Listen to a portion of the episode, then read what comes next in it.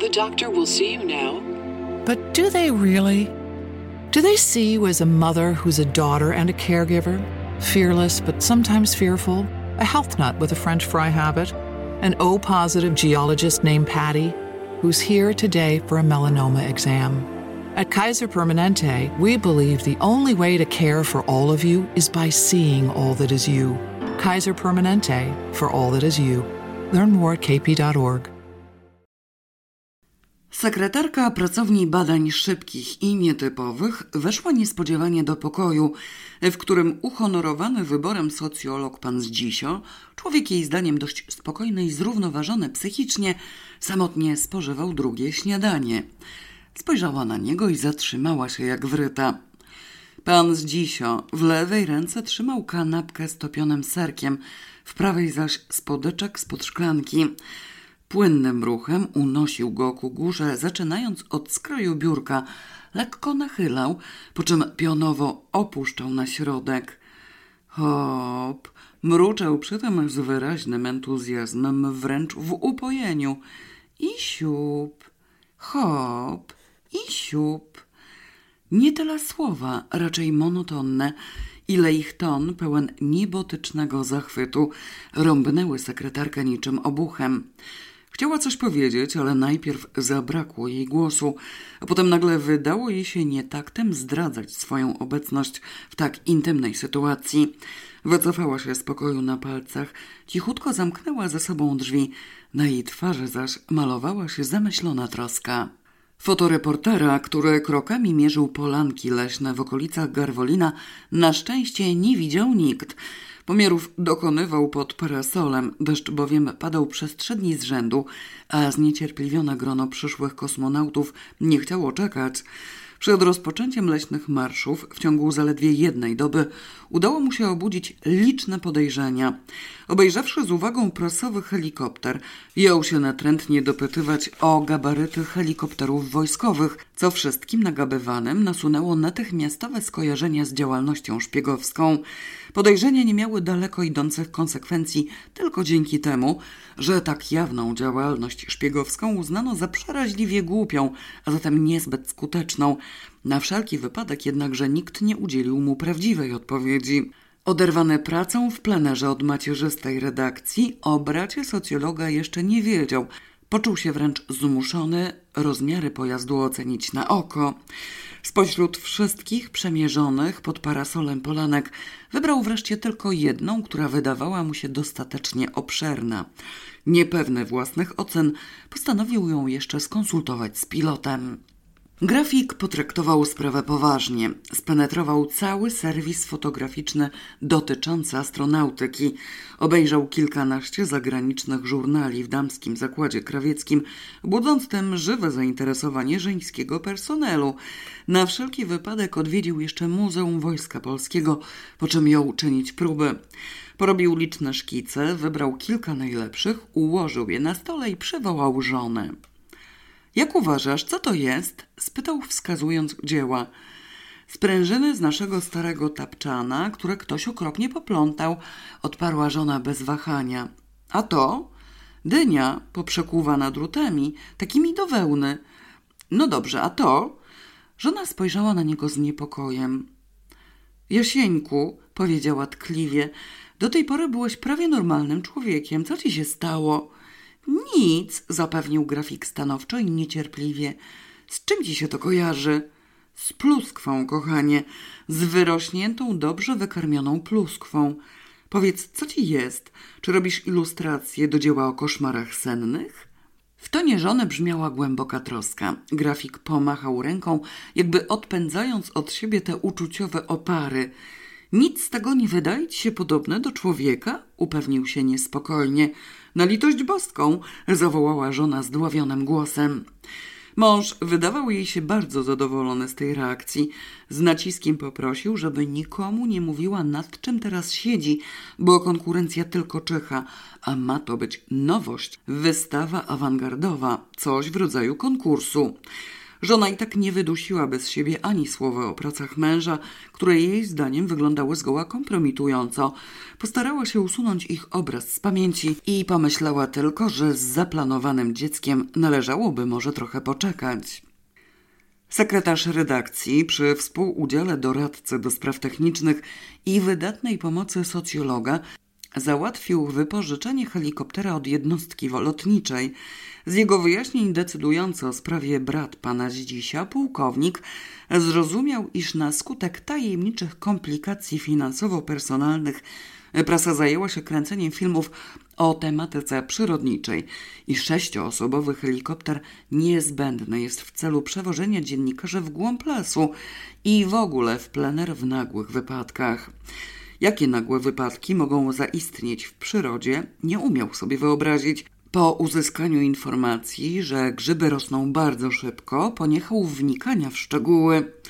Satyryk zajął się studiowaniem literatury.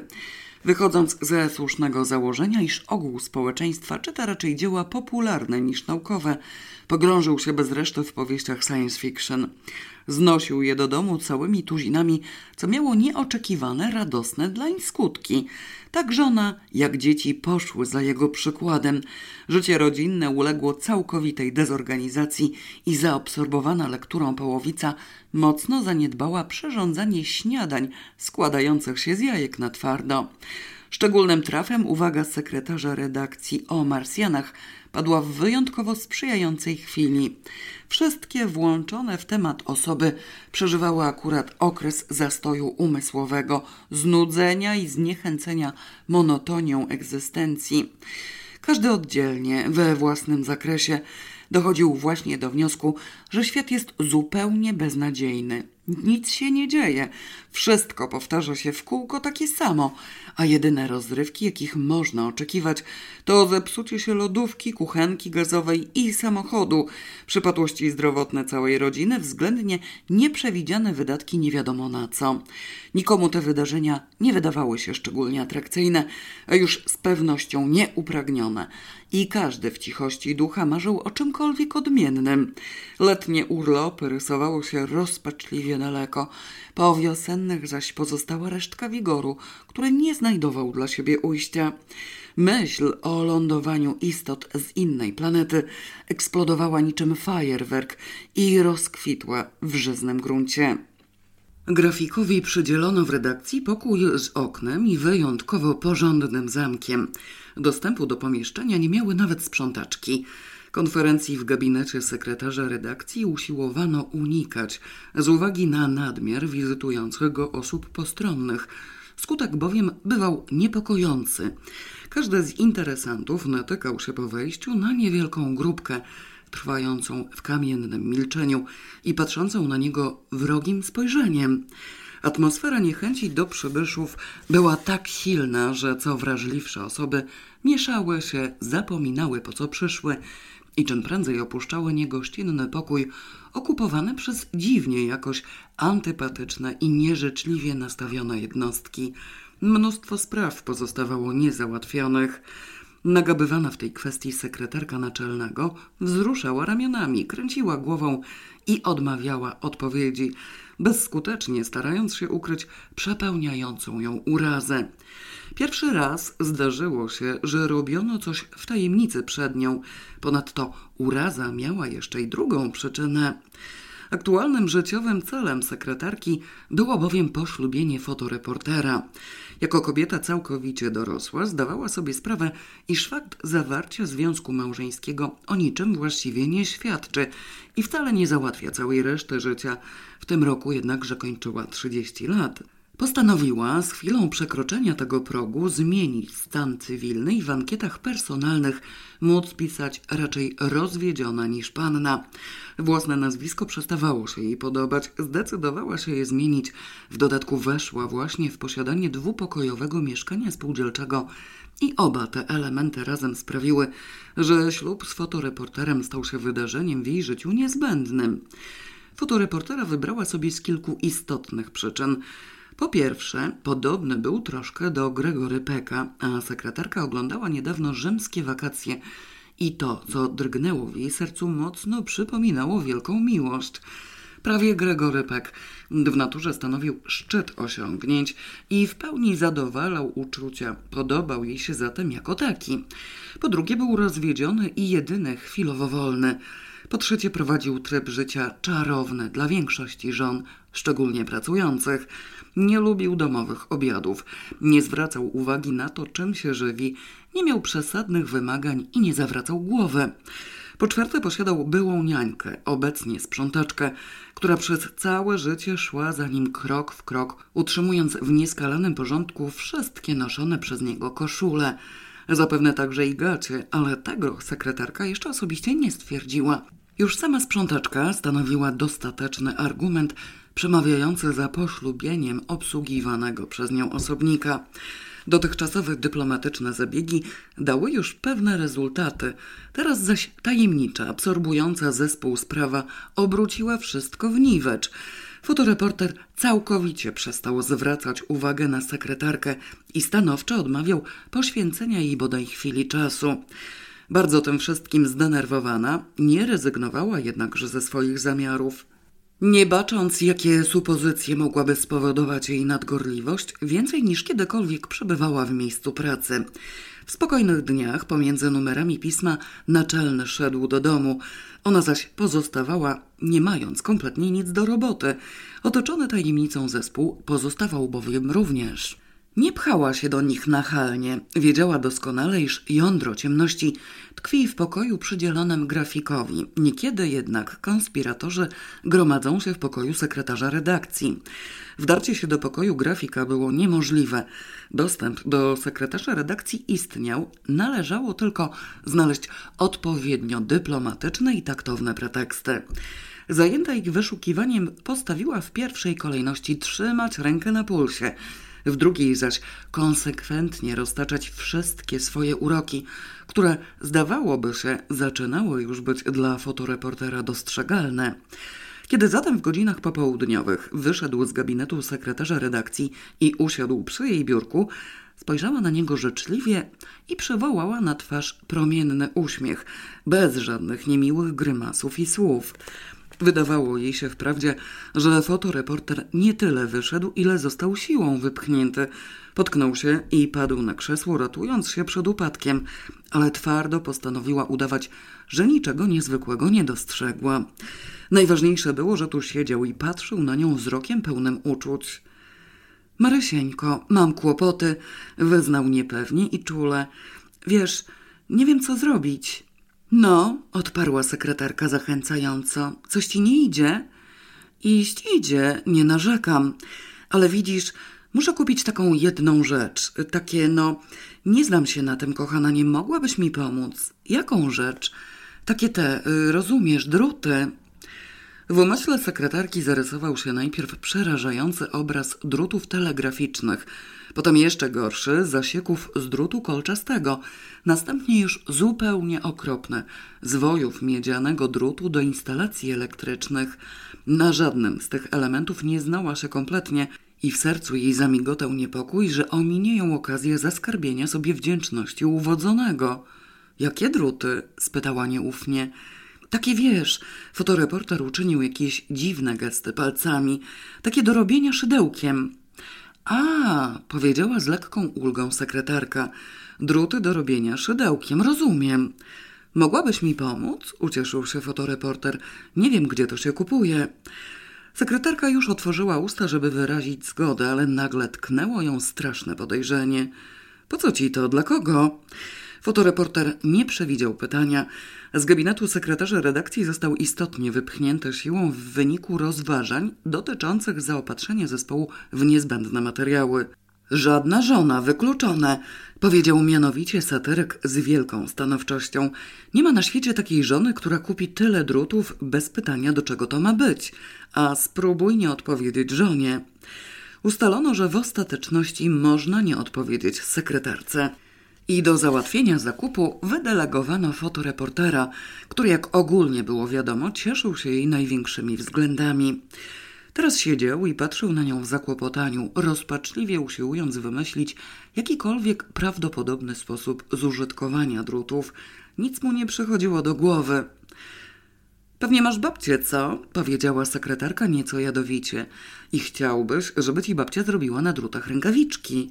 O właśnie, zawołał fotoreporter z wyraźną ulgą. Rękawiczki to może nie, ale ten taki szalik. To znaczy w ogóle, wiesz, chciałem babci zrobić przyjemność. Przypomniał sobie, że drutów ma być dość dużo i szybko przeliczył w myśli, ile babci może posiadać normalny człowiek. Nie wiadomo dlaczego wyszło mu, że cztery. W ogóle to ja mam cztery babcie, dodał pośpiesznie i chciałem je tak od razu załatwić hurtem. Aha, masz cztery babcie, powiedziała sekretarka uprzejmie, odchylając się do tyłu razem z krzesłem i przyglądając mu się z uwagą. Twoja mamusia miała dwie matki i twój tatuś miał dwie matki. Każdy z twoich dziadków był bigamistą, prawda? Chyba, że pochodzili z Dalekiego Wschodu. A te babcie chciałeś uszczęśliwić w przewidywaniu bliskiego dnia dziecka, tak? Tak, przyznał fotoreporter. To znaczy nie. Moi dziadkowie się rozwiedli. Marysieńko, kochana, nie wszystko ci jedno. Mam tych babć od cholery i trochę. Może one cioteczne i wszystkim muszę kupić druty. Pomóż bliźniemu. Perspektywa spędzenia całego popołudnia w towarzystwie upragnionego mężczyzny przeważyła urazę i kazała stłumić podejrzenia. W mniemaniu, iż nabyty przedmiot przeznaczony jest dla jakiejś niewątpliwie antypatycznej i w ogóle odrażającej kobiety, sekretarka trwała aż do chwili znalezienia w sklepie odpowiedniego rozmiaru drutów. Fotoreporter grymasił jak przedwojenna primadonna. W końcu jednak druty 3,5 po uważnym obejrzeniu zaakceptował. Ile tego potrzebujesz? spytała sekretarka. Dwie pary? Sto sztuk. Ile? Sto, mówię, sto sztuk. To się liczy na pary? No to pięćdziesiąt par. Podejrzenia w kwestii antypatycznej i odrażającej baby w mgnieniu oka rozwiały się jak dym. Wyraz twarzy sekretarki wyraźnie wskazywał, iż należy złożyć jakieś dodatkowe wyjaśnienia. Fotoreporter przyjrzał się jej niepewnie i nagle popadł w krasomówczy zapał. Sekretarka dowiedziała się zatem, że jej ukochany posiada nie tylko babcie, ale także ciocie, nader liczne, wszystkie sparaliżowane, wszystkie opętane manią robienia na drutach, na domiar złego roztargnione w niewiarygodnym stopniu, gubiące ustawicznie rozmaite rzeczy, w szczególności właśnie te druty. Co gorsza, Wszystkie obdarowane niedawno gigantyczną ilością jednakowej wełny przez wujka z Australii. I żeby nie było zawiści, trzeba im dać jednakowe druty. W trakcie gadania przyszło mu na myśl, że mógł się posłużyć zwyczajnym domem starców, któremu załatwia prezenty z ramienia jakiejkolwiek instytucji charytatywnej upłynniającej remanenty finansowe z zeszłego roku. Zająknął się nawet, ale już było za późno. Babcie i ciocie opanowały świat. Na obliczu słuchającej jego wyjaśnień ekspedientki ukazał się wyraz tak niebotycznego zdumienia, że sekretarka machnięciem ręki przerwała to przemówienie. Pojęła, iż druty muszą mieć związek z ukrywaną przed nią tajemniczą aferą i postanowiła zaniechać pytań, a za to własnymi siłami włączyć się w intrygującą imprezę. Dobrowolnie zrezygnowała z reszty zaplanowanego w cichości ducha wieczoru. Przecież widzę, że ci się ziemia pali pod nogami, powiedziała pobłażliwie. Leć z tymi drutami, leć. Na kolację mnie zaprosisz kiedy indziej. Jak ci coś jeszcze będzie potrzebne, na przykład wagon durszlaków, to pamiętaj, że ja umiem dochować sekretu. Fotoreporter rozpromienił się nietaktownie i już chciał ruszyć do biegu w kierunku redakcji, ale zatrzymał się nagle. Durszlaki mówisz? Podchwyciła, wokół mu błysnęło. Durszlaki? A wiesz, że to jest niezła myśl? Wypożyczony od wojska helikopter stojący w specjalnie przydzielonym hangarze wymagał wielu skomplikowanych zabiegów. Sekretarz redakcji w swoim dzikim zapale zdołał przełamać wszelkie trudności administracyjne, biurokratyczne, personalne i finansowe. Zaangażowany do pracy personel techniczny, cały zespół mechaników został zobowiązany do zachowania najściślejszej tajemnicy. Nikt nie wiedział dokładnie o co chodzi. Helikopter jednakże był wojskowy, tajemnica też. Na wszelki wypadek zatem istotnie ją zachowano. Z udzielanych przez sekretarza redakcji mętnych wyjaśnień wszyscy zdołali zrozumieć tylko jedno, a mianowicie, że pojazd ma zostać odmieniony zewnętrznie tak, żeby stał się zupełnie do siebie niepodobny. Przypuszczenia co do celu tej metamorfozy padały rozmaite. Mnie się wydaje, że oni chcą coś wyszpiegować z powietrza, powiedział trochę niepewnie mechanik Józio, patrząc na przewiezione właśnie i zwalone w hangarze arkusze blachy aluminiowej. a ta blacha to ma być osłona przed czymś. Panie Józefie, co pan? odparł z niesmakiem stojący obok niego elektryk. Przecież to prasa. Już prędzej bym powiedział, że chcą coś podpalić, bo mi kazali zrobić coś takiego, co się będzie kręciło, a na tym mam zamontować. Nie zgadniesz pan co? Żebyś pan skonał. Zimne ognie. Jakie zimne ognie? Takie te, co na choinkę. I one mogą co podpalić? A mało razy się choinki paliły? E, tam, wtrącił się pomocnik mechanika. Dla telewizji robią, bo przecie tłumik przerabiamy, żeby im nie warczało. Zawsze jak z helikoptera wyścig pokoju nadają, to więcej słychać ten helikopter niż co innego. To po cholerę powiedzieli, że trzeba będzie te blachy z boku dodać. Boki im też warczą. Ja wam mówię, że się tym gdzieś zakradną. Przewiezione następnie różnych rozmiarów kawałki plexiglasu oraz olbrzymia ilość srebrnej farby zdezorientowały zaangażowanych pracowników do reszty. Wszyscy w napięciu oczekiwali chwili, kiedy wreszcie będą mogli przystąpić do montażu osobliwych urządzeń, licząc na to, że wówczas coś się rozjaśni. Z montażem jednakże zwlekano. Sekretarz redakcji bowiem postanowił zaczekać na powrót z zagranicy znajomego specjalisty od budowy pojazdów kosmicznych. Specjalista bawił właśnie w Związku Radzieckim i do jego przyjazdu brakowało zaledwie tygodnia. Sekretarz redakcji, oszołomiony wprawdzie oczekiwanym szczęściem, zachował jednak dość zdrowego rozsądku, żeby cenić radę fachowca. W ośrodku badania opinii publicznej sekretarka pracowni badań szybkich i nietypowych coraz częściej dostrzegała u socjologa jakieś dziwne objawy. Z dnia na dzień pan z dzisiaj był coraz bardziej przejęty zaplanowanym eksperymentem. Rozmyślał nad nim, zastanawiał się, wyobrażał sobie różne możliwości. Oczyma duszy widział wspaniałe, wstrząsające sceny. Rozpatrywał je kolejno, poczynając od zrównania z ziemią okolic Garwolina w wyniku szaleńczej paniki wszystkiego, co żyje, a kończąc na ukamienowaniu przybysłów z kosmosu i rozszarpaniu ich na sztuki wraz z pojazdem. Usiłował przewidzieć coś prawdopodobnego, zadając otoczeniu podchwytliwe pytania dotyczące reakcji poszczególnych jednostek na nietypowe wydarzenia i opowiadał krew w żyłach mrożące i gruntownie pozbawione sensu historie, pilnie przy tym przyglądając się twarzom słuchaczy.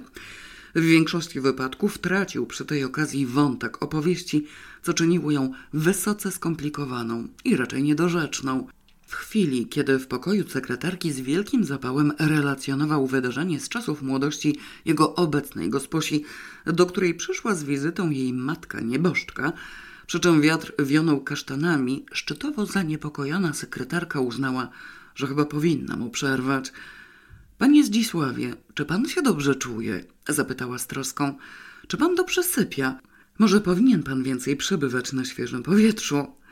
Socjolog urwał opowieść o przeżyciach gosposi i owych kasztanach, których sam nie rozumiał wcale i zapatrzył się w sekretarkę, próbując przypomnieć sobie, co właściwie zamierzał powiedzieć. Uwaga o świeżym powietrzu nasunęła mu nową myśl. A właśnie, rzekł z ożywieniem, pani Krysiu, co by pani zrobiła? Idzie pani przez las. Urwał, bo przyszło mu do głowy, że powinien zastosować przykład bardziej oderwany od przyszłej rzeczywistości i osadzonego w plenerze eksperymentu. Nie, nie przez las. Schodzi pani ze schodów. Ja nie schodzę ze schodów, przerwała sekretarka z wyraźnym współczuciem w głosie. Mieszkam na dziesiątym piętrze i zjeżdżam windą. Doskonale, zjeżdża pani windą, wieczorem. Na klatce schodowej słabe światło, półmrok i na parterze widzi pani coś, coś zupełnie niepodobnego do człowieka. Co by pani zrobiła? Sekretarka patrzyła na niego w zadumie. Ominęłam ją, powiedziała po długiej chwili łagodnie. Co? Ominęłam ją. Dziś rano na parterze stała drabina malarska, zupełnie niepodobna do człowieka. Ominęłam ją. Socjolog opanował zaskoczenie.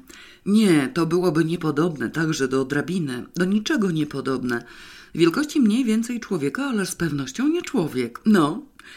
Sekretarka pomyślała, że powinna się teraz zdobyć na maksimum cierpliwości i wyrozumiałości.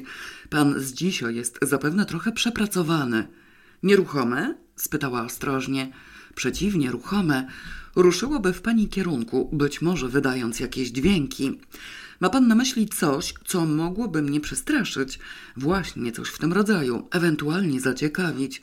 W takim razie nic bym nie zrobiła, powiedziała sekretarka stanowczo po kolejnej długiej chwili namysłu. Jak to? Tak zwyczajnie. Zostałabym tam przy tej windzie i stałabym tak do końca świata, nic nie mówiąc. Ja tak reaguję zawsze, jak mnie coś przestraszy. Nieruchomieję i nie mogę wydobyć głosu i nie ma na to siły. Socjolog poczuł się rozczarowany. Obraz trwale znieruchomiałych i oniemiałych mieszkańców Garwolina jakoś mu się nie spodobał. Obrócił się w kierunku przysłuchującej się z wielkim zainteresowaniem bardzo młodej maszynistki. A pani, co by pani zrobiła? Maszynistka wzdrygnęła się gwałtownie. Uciekłabym oczywiście. Może tą windą do góry, na wszelki wypadek. Duże rusza się i wydaje dźwięki. O nie, żadnej ciekawości. Uciekłabym stanowczo. Wciąż niezadowolony z wyników badań, socjolog porzucił sekretariat i przystąpił do zadawania identycznych pytań innym współpracownikom. Historię ruchomego czegoś, co wydawało dźwięki i nie było podobne do człowieka, zdołał zapamiętać i powtarzał ją bez pomyłek. Żadna z uzyskanych odpowiedzi nie usatysfakcjonowała go w pełni, za to po całej instytucji zaczęły się rozchodzić wieści, jakoby na klatce schodowej w domu pana z dzisia panowały zupełnie wyjątkowe nieporządki. Ktoś wysunął nawet przypuszczenie, iż znajduje się tam melina mentów społecznych i być może należałoby zawiadomić milicję. Niebotycznie zdenerwowany socjolog musiał się wreszcie pogodzić z myślą, że doświadczenie osobiste jest niezbędne. Grafik odwalił wielką robotę. We wczesnych godzinach wieczornych, zaraz na zajutrz po ukazaniu się numeru, kiedy w redakcji panowały pustki, w przydzielonym mu pokoju przystąpiono do próby skompletowania stroju zaziemskiego przybysza. Mało tych dętek, powiedział z troską sekretarz redakcji, wskazując ułożone pod ścianą dętki samochodowe. Nie mogłeś skombinować trochę więcej? Co ty sobie wyobrażasz, że one rosną na drzewach przy drodze? Zdenerwował się doradca do spraw technicznych. Dwie są w ogóle moje własne.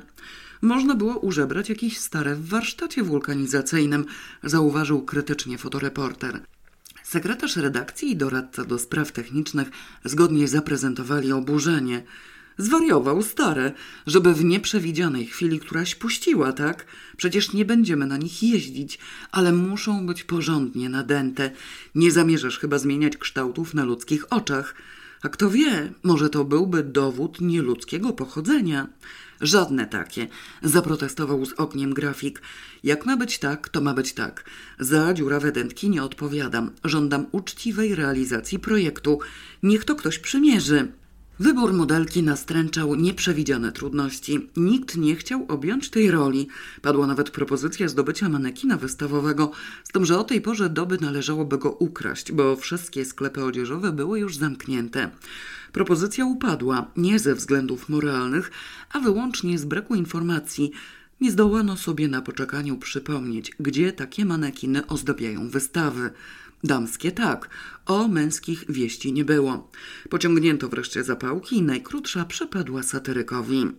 Zawsze miałem psie szczęście do wszystkich losowań, narzekał z goryczą. Jak już trzeba coś losować, to wiadomo, że na mnie padnie najgorsze. I w tego parszywego totolotka też cholera tak samo trafiam.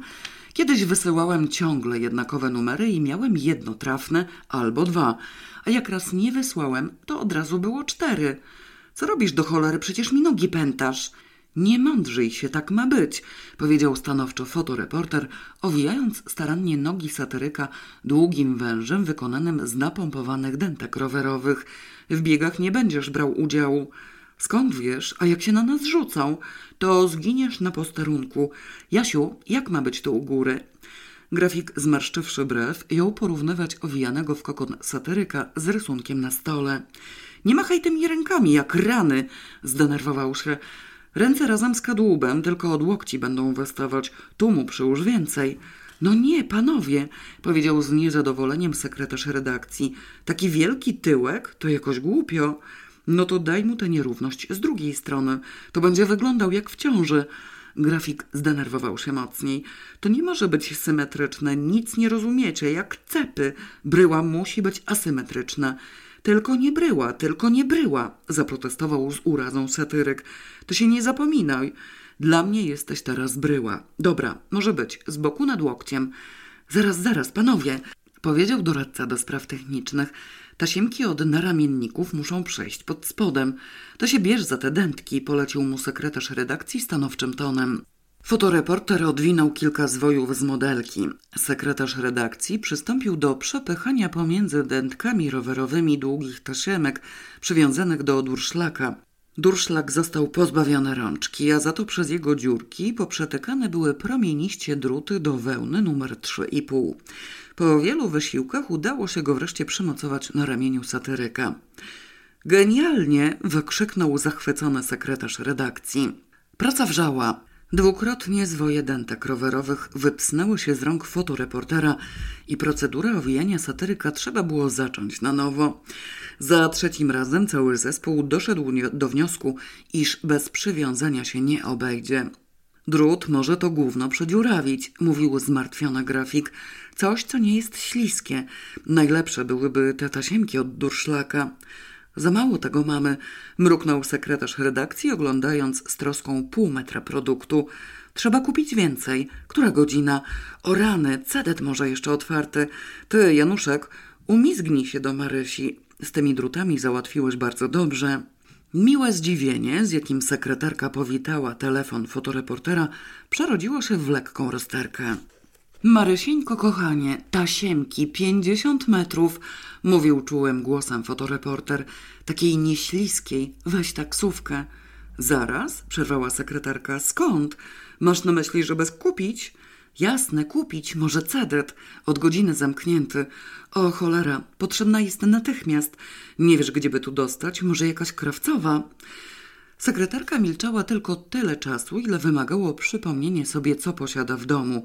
Żal nie wchodził w rachubę. No dobrze, mam tyle.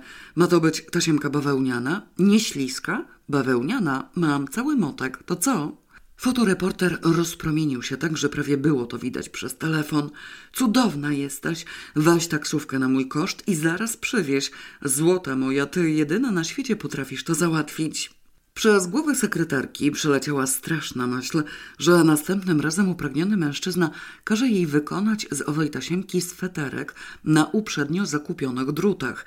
Równocześnie jednak zaświtała jej nadzieja dokonania, dzięki przybyciu do redakcji, jakichś cennych odkryć. Nie protestowała wcale, spełniła polecenie. Pół godziny później sekretarz redakcji, grafik i doradca do spraw technicznych zajęli się tasiemką, a fotoreporter zaś sekretarką.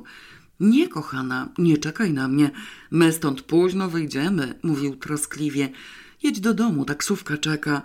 Nie czeka, zapłaciła mi, zwolniła ją. Cholera, to jest tego, złapiemy drugą, odprowadzę cię.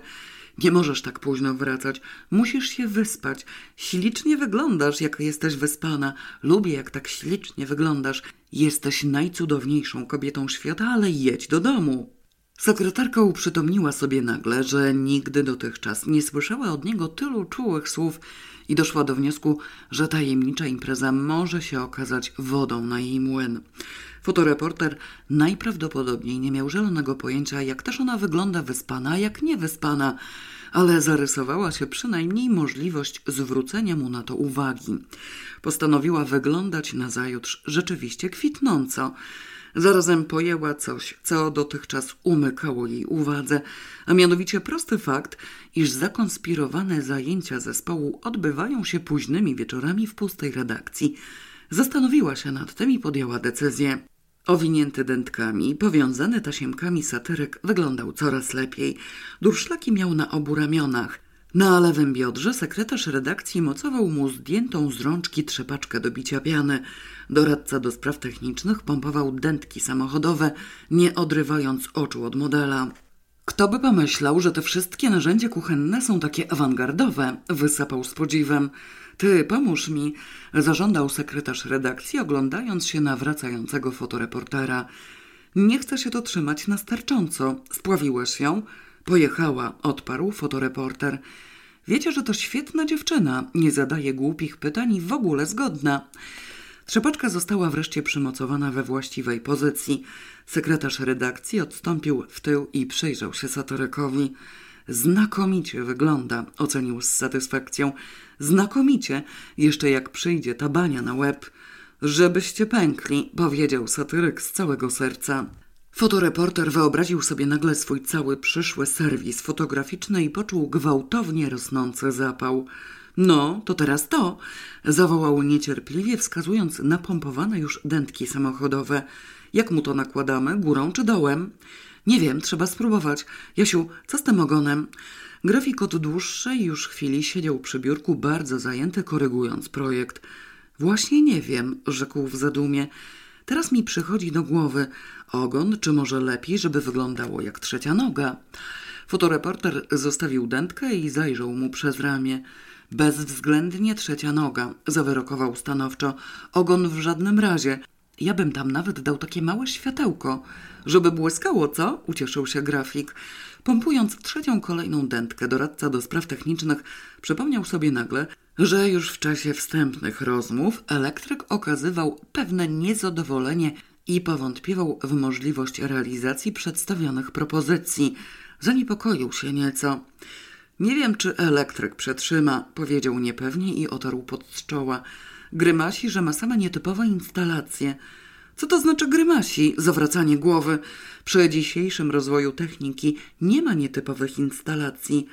Pośpieszcie się do wszystkich diabłów. Nie elektryk nie przetrzyma, tylko ja, zawarczał z gniewem satyryk. Co wy sobie do cholery wyobrażacie? Jak długo mam tu jeszcze? Dobra, dobra, zamknij się, już przymierzamy. Wnętrze pokoju wyglądało dość oryginalnie. Owinięte dętkami rowerowymi i przyozdobione durszlakami satyryk stał na środku. W kącie piętrzył się stos napompowanych dętek samochodowych, bo trzy większe dostarczono już gotowe do użytku w obawie, że dętkom od ciężarówki doradca do spraw technicznych osobiście nie da rady. Wokół wiły się pozwijane na kształt węża dętki rowerowe. Na biurku grafika, oprócz stosu szkiców i rysunków, leżało pięć hełmów motocyklowych zradiofonizowanych i podwyższonych dziwną konstrukcją wykonaną z plexiglasu i niklowanej blachy. Sprężyny niewiadomego pochodzenia, durszlaki, druty, trzepaczki do bicia piany oraz inne narzędzia kuchenne spoczywały na krzesłach i podłodze. O ścianę oparte było kilka zdekompletowanych lamp stojących, a gdzieniegdzie poniewierały się fragmenty zbroi rycerskiej. Cały ten sprzęt kosmonautyczny sprawiał, że w pomieszczeniu nie było gdzie się ruszyć. Sekretarz redakcji nogą usunął zwój taśmy stalowej i pochylił się nad stosem dentek, starannie wybierając pierwszą. Fotoreporter przesunął nieco krzesło zajęte dwoma rocznikami perspektyw, żeby popatrzeć na lampy, średnio pasujące do wizerunku trzeciej nogi. Łypnął okiem na satyryka, znów odwrócił się ku ścianie, zmarszczył brew i otworzył usta, ale nie zdążył się odezwać. Energiczne pukanie do drzwi, które rozległo się z nienacka, zadziałało jak wybuch bomby.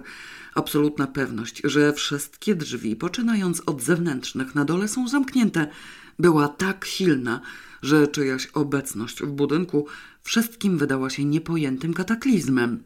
Cieć nie wchodził w rachubę, nie opuszczał swojej dyżurki w przedsionku, unikał bezpośredniego kontaktu ze schodami i w razie potrzeby posługiwał się telefonem wewnętrznym. Na myśl, że za chwilę niepowołany świadek wejdzie tu i odgadnie tajemnicę, cały zespół popadł w panikę. Sekretarz redakcji wypuścił z rąk dętkę samochodową i runął na drzwi, usiłując je przytrzymać. Grafik zgarnął ze stołu rysunki, starając się zasłonić je własnym ciałem.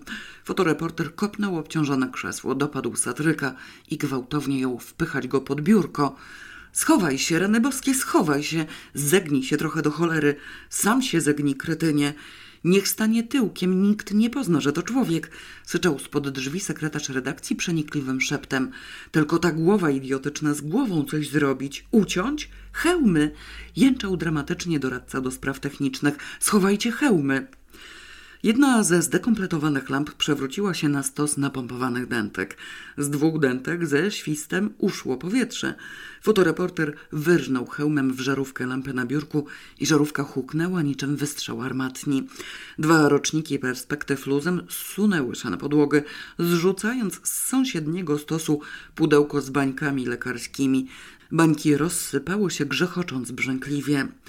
Stojący za drzwiami pan Zdzisio, socjolog, słuchał odgłosów spokoju jak muzyki niebiańskiej. Rozumiał nawet ich przyczyny. Chciał zawołać, że to on, że nie ma powodów do niepokoju, ale przejęty głęboko potrzebą konspiracji, wydawał z siebie głos cichy i niemal drżący. Zapukał ponownie. Ulga, jakiej doznał sekretarz redakcji ostrożnie uchyliwszy drzwi, była wręcz nie do opisania. Cała sprawa miała sens wyłącznie w wypadku zachowania absolutnej tajemnicy. Nie tylko ujawnienie przygotowania, ale nawet cień podejrzenia, że cokolwiek się robi, niweczył wszystko.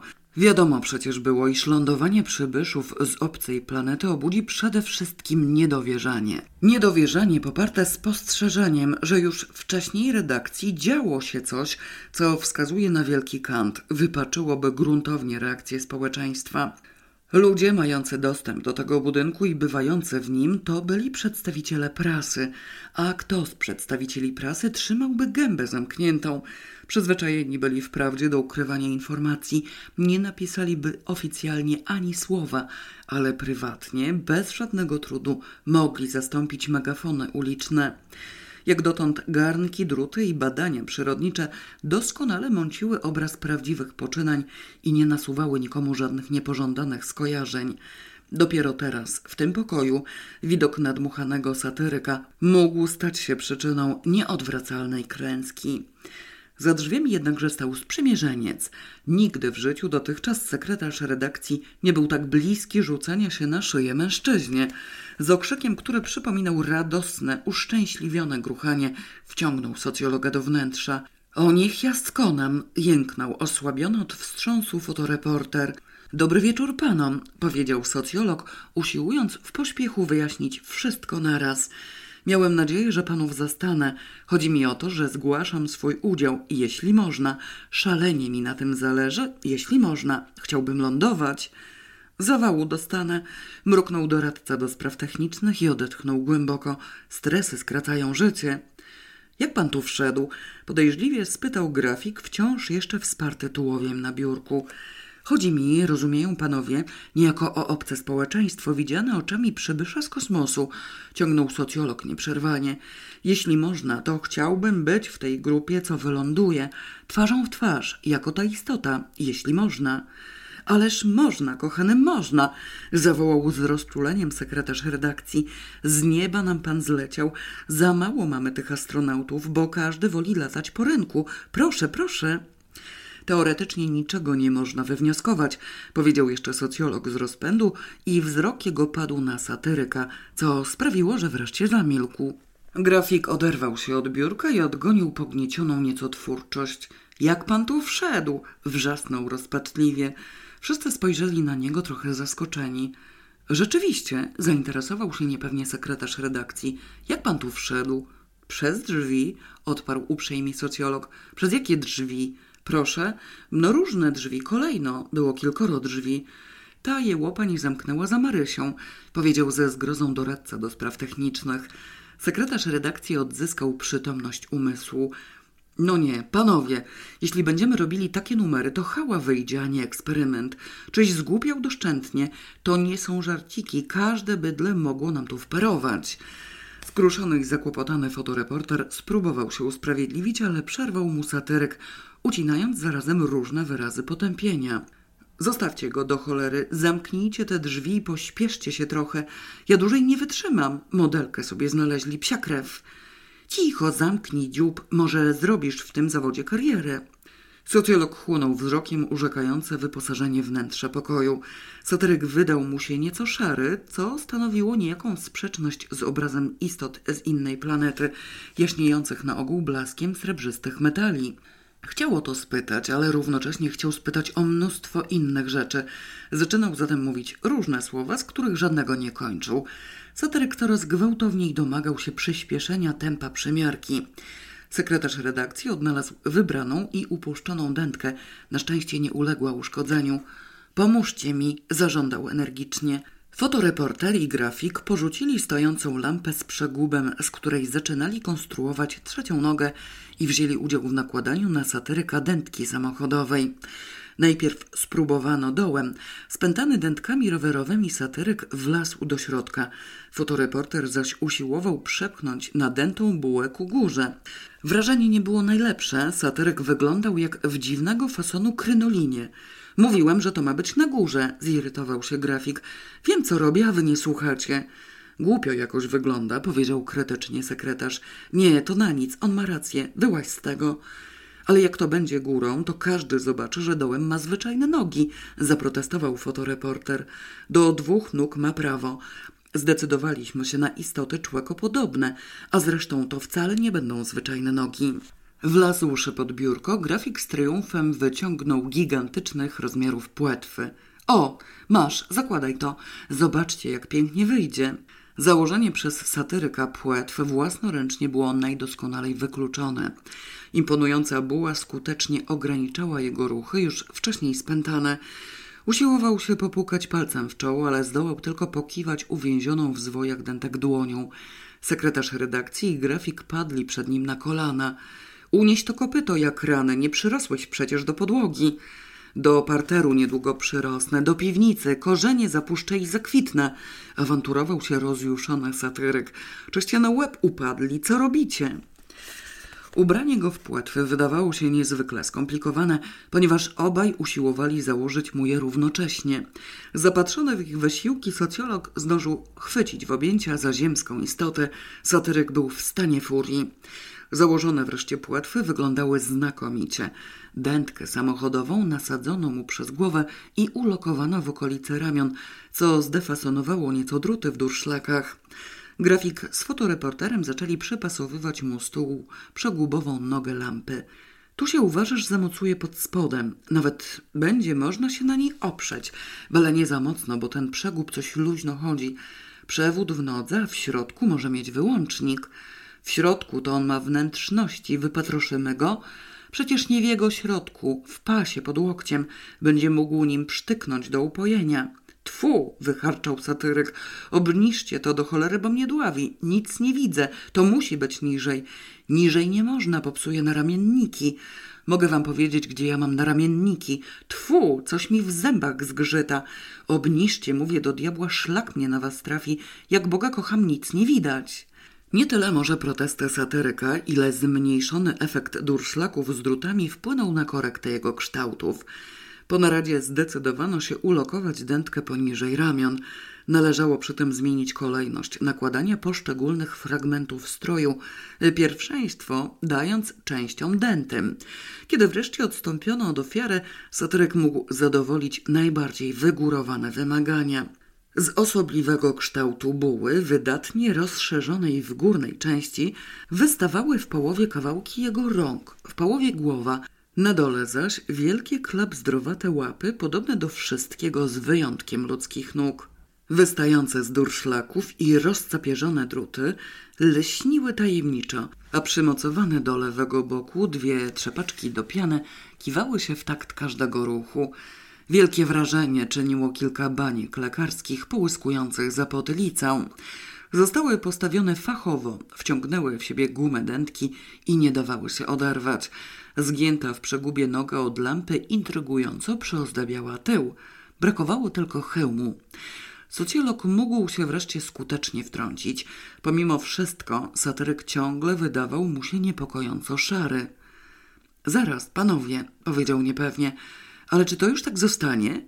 Zmaltretowanemu satyrykowi przypuszczenie, że miałby pozostać w kosmonautycznym stroju aż do chwili eksperymentu, odebrało niemal przytomność umysłu. Wydał z siebie krótki charkot. No nie, odparł sekretarz redakcji. Na razie zdejmiemy to z niego. A nie, ja miałem na myśli fakturę, to znaczy kolor. Czy panowie przewidują może jakąś wierzchnią warstwę? Jasne, powiedział żywo grafik, który też w pierwszej chwili sądził, że socjolog interesuje się wytrzymałością satyryka. Na wierzch pójdzie srebrna folia i srebrna farba. Nogi się pomaluje, a na ręce rękawice motocyklowe z mankietami oblepionymi folią, no i hełm. Odpoczywający po wytężonej pracy na napompowanych dętkach doradca do spraw technicznych podniósł się ze stękiem, pomasował po krzyżu i sięgnął po jeden z hełmów leżących na biurku grafika. Leżały nadal, bo nikt nie zdążył ich schować.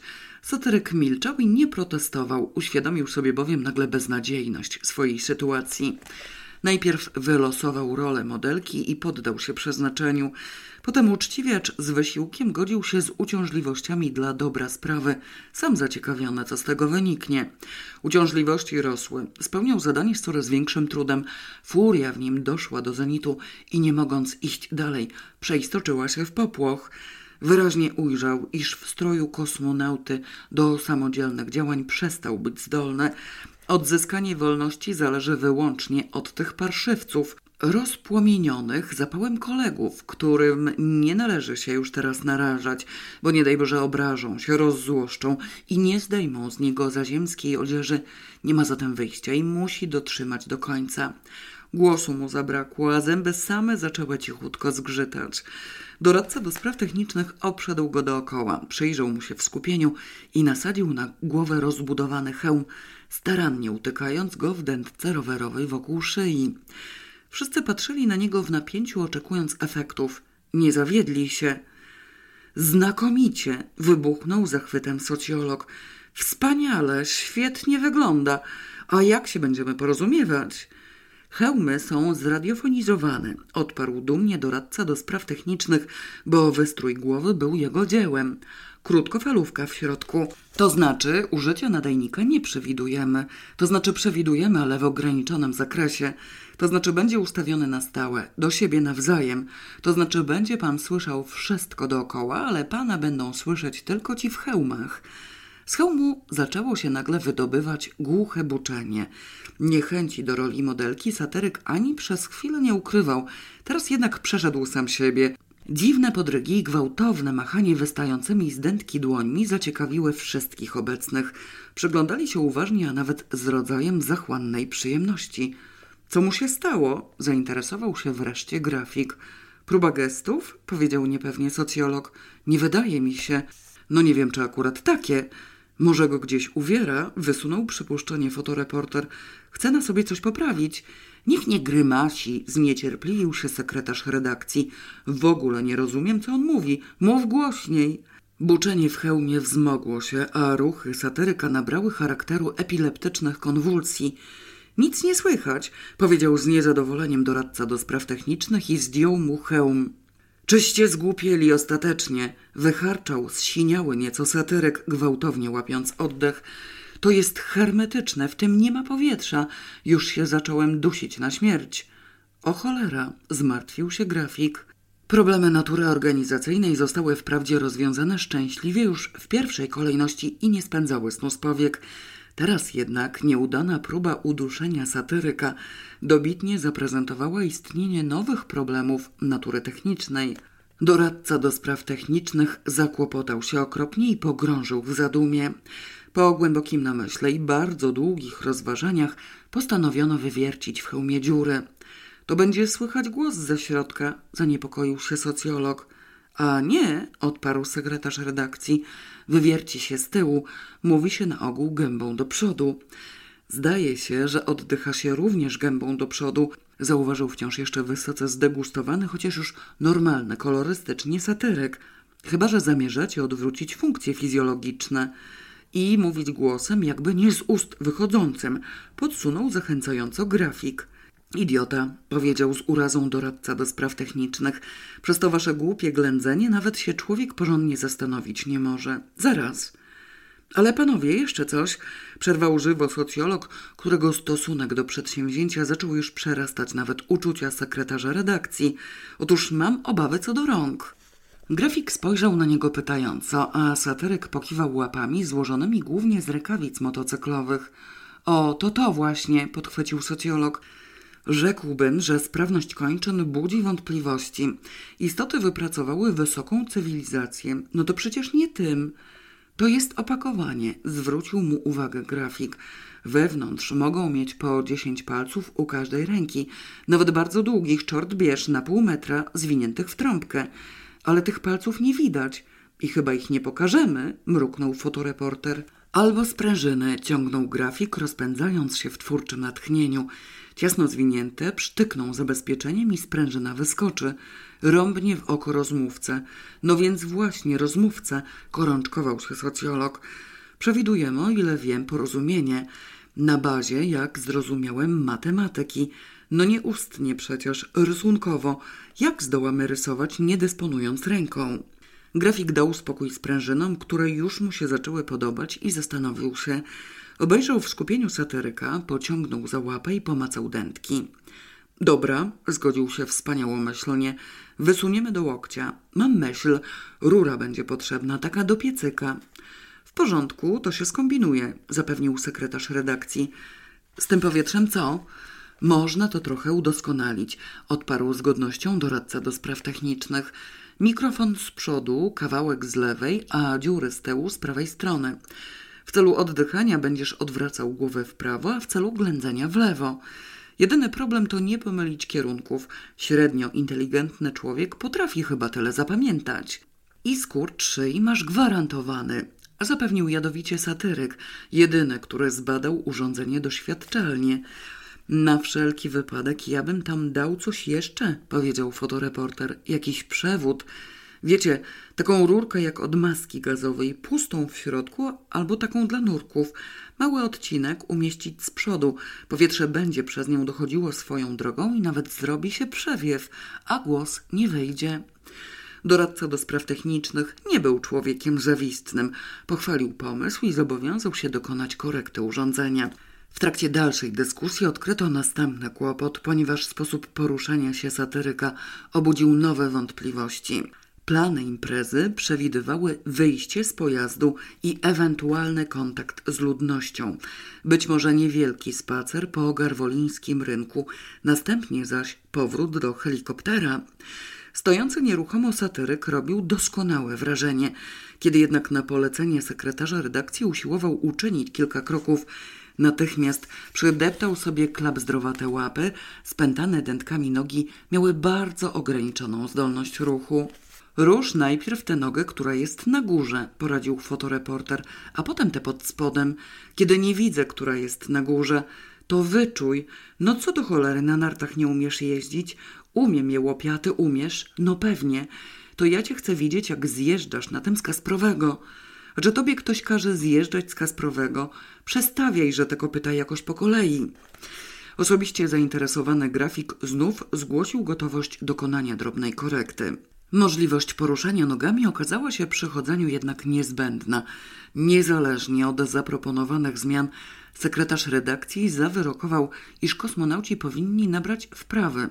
Wszyscy zatem wyznaczeni na członków załogi odbędą kilka przechadzek po budynku redakcji, przybrani w kompletne stroje z hełmami włącznie. Ćwiczenia, rzecz oczywista, przeprowadzone zostaną w nocy na początku tygodnia, kiedy nikt się tu nie pałęta. Kategoryczne protesty satyryka, który stanowczo odmówił zgody na trening w hermetycznie zamkniętym nakryciu głowy, zmusił cały zespół do przesunięcia prób na odrobinę dalszy termin. Dobrowolna deklaracja socjologa znakomicie uprościła sprawę typowania zaziemskich istot. Helikopter od wojska był sześcioosobowy. Zwiększona dętkami kubatura jednostki nie pozwalała na wykorzystanie go w pełni. Poprzestano zatem na pięciu istotach. Jedną z nich musiał być pilot, drugą koniecznie chciał być socjolog. Sekretarz redakcji i fotoreporter odpadli od razu. Sekretarzowi bowiem jako reżyserowi widowiska nie należało ograniczać swobody działania. Fotoreporter zaś uparł się bezwzględnie przy zdobyciu materiału fotograficznego w tłumie na zewnątrz. Żądania jego zostały uwzględnione i w charakterze pozostałych trzech przybyszów z innej planety zgodzili się wystąpić doradca do spraw technicznych, satyryk i grafik. Udziału grafika satyryk domagał się ze szczególną gwałtownością. Sam wymyślił to ubranko, nie? To niech teraz w nim pochodzi. Strój astronauty już z niego zdjęto. Doznał ulgi tak wielkiej, że dobrowolnie przyrządził dla wszystkich kawę i dołożył do niej skromną piersiówkę, wypatrzoną nieco wcześniej w gabinecie naczelnego wśród lektur ideologicznych. Wykorzystał spostrzeżenie bez najmniejszych wyrzutów sumienia. Panowie, wtrącił się nieśmiało socjolog, przerywając ustalanie harmonogramu poczynań. Ale ja mam jeszcze jeden problem. Ja bym chciał, w ogóle w ośrodku byśmy chcieli telewizję. Telewizję? Co pan? Telewizję? Ja rozumiem, pan będzie robił zdjęcia, ale panowie, to za mało. To jest okazja. Te rzeczy trzeba nagrać, nakręcić, utrwalić. Musi być telewizja i kronika filmowa, przecież to będą bezcenne materiały. Niby racja, przyznał z lekkim zakłopotaniem fotoreporter. Ale jak do Garwolina zjadą telewizję i kronika filmowa i ustawią się na rynku, to już mowy nie ma o kamuflażu.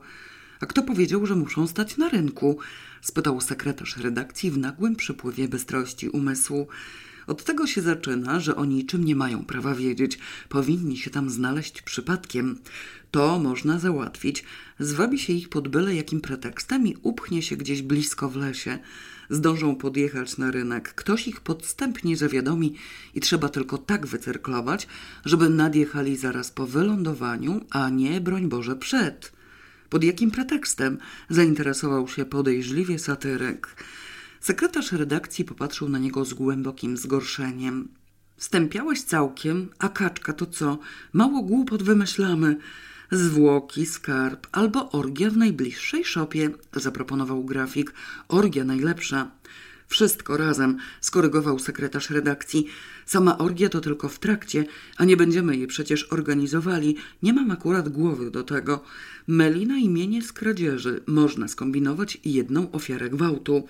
I niech tam lata między drzewami albo dookoła szopy, żeby jej nie mogli złapać. Podsunął z ożywieniem satyryk, w którym już odezwała się ogłuszona przedtem rolą modela dusza dziennikarska. Załóżmy, że była związana. Kto się uwolnił ledwo co? List do nich. Puknij się, kto u nich czyta listy, telefonicznie albo osobiście. Parę osób znamy, wytypujemy odpowiednich, bo większości by się nie chciało. To jeszcze trzeba rozważyć. Mamy trochę czasu. A w ogóle to można by dodatkowo zainstalować ukryte kamery, zaproponował doradca do spraw technicznych. Gdzie i dlaczego? Tam jest dworzec PKS. Przeprowadza się badania sprawności komunikacji PKS i organizację pracy na dworcach. Niezła myśl, ale to trzeba zrobić już teraz, od razu, a nie w przeddzień, żeby nikomu się nie skojarzyło. Niech one tam sobie będą. W ostatniej chwili sprawdzi się tylko, czy nie nawalają. Wiosenny świt wstawał nad miastem, kiedy grono eksperymentatorów osiągnęło pełne porozumienia. Lista pracowników instytucji pokrewnych, radia, telewizji i filmu, których dałoby się właściwie zużytkować, została sporządzona. Pilota postanowiono poinformować o jego przyszłych dodatkowych obowiązkach ostrożnie i stopniowo, żywiąc niejakie wątpliwości w kwestii wyrażenia przezeń zgody nie tyle na nietypowy przyodziewek, ile na uprzedni nocny trening w budynku redakcji. W każdym razie najpierw należało poznać mniej więcej jego charakter. Przynęte dla telewizji i kroniki w postaci skarbo, orgio, gwałto, przestępczej imprezy sekretarz redakcji i satyryk zobowiązali się opracować starannie już w najbliższym czasie.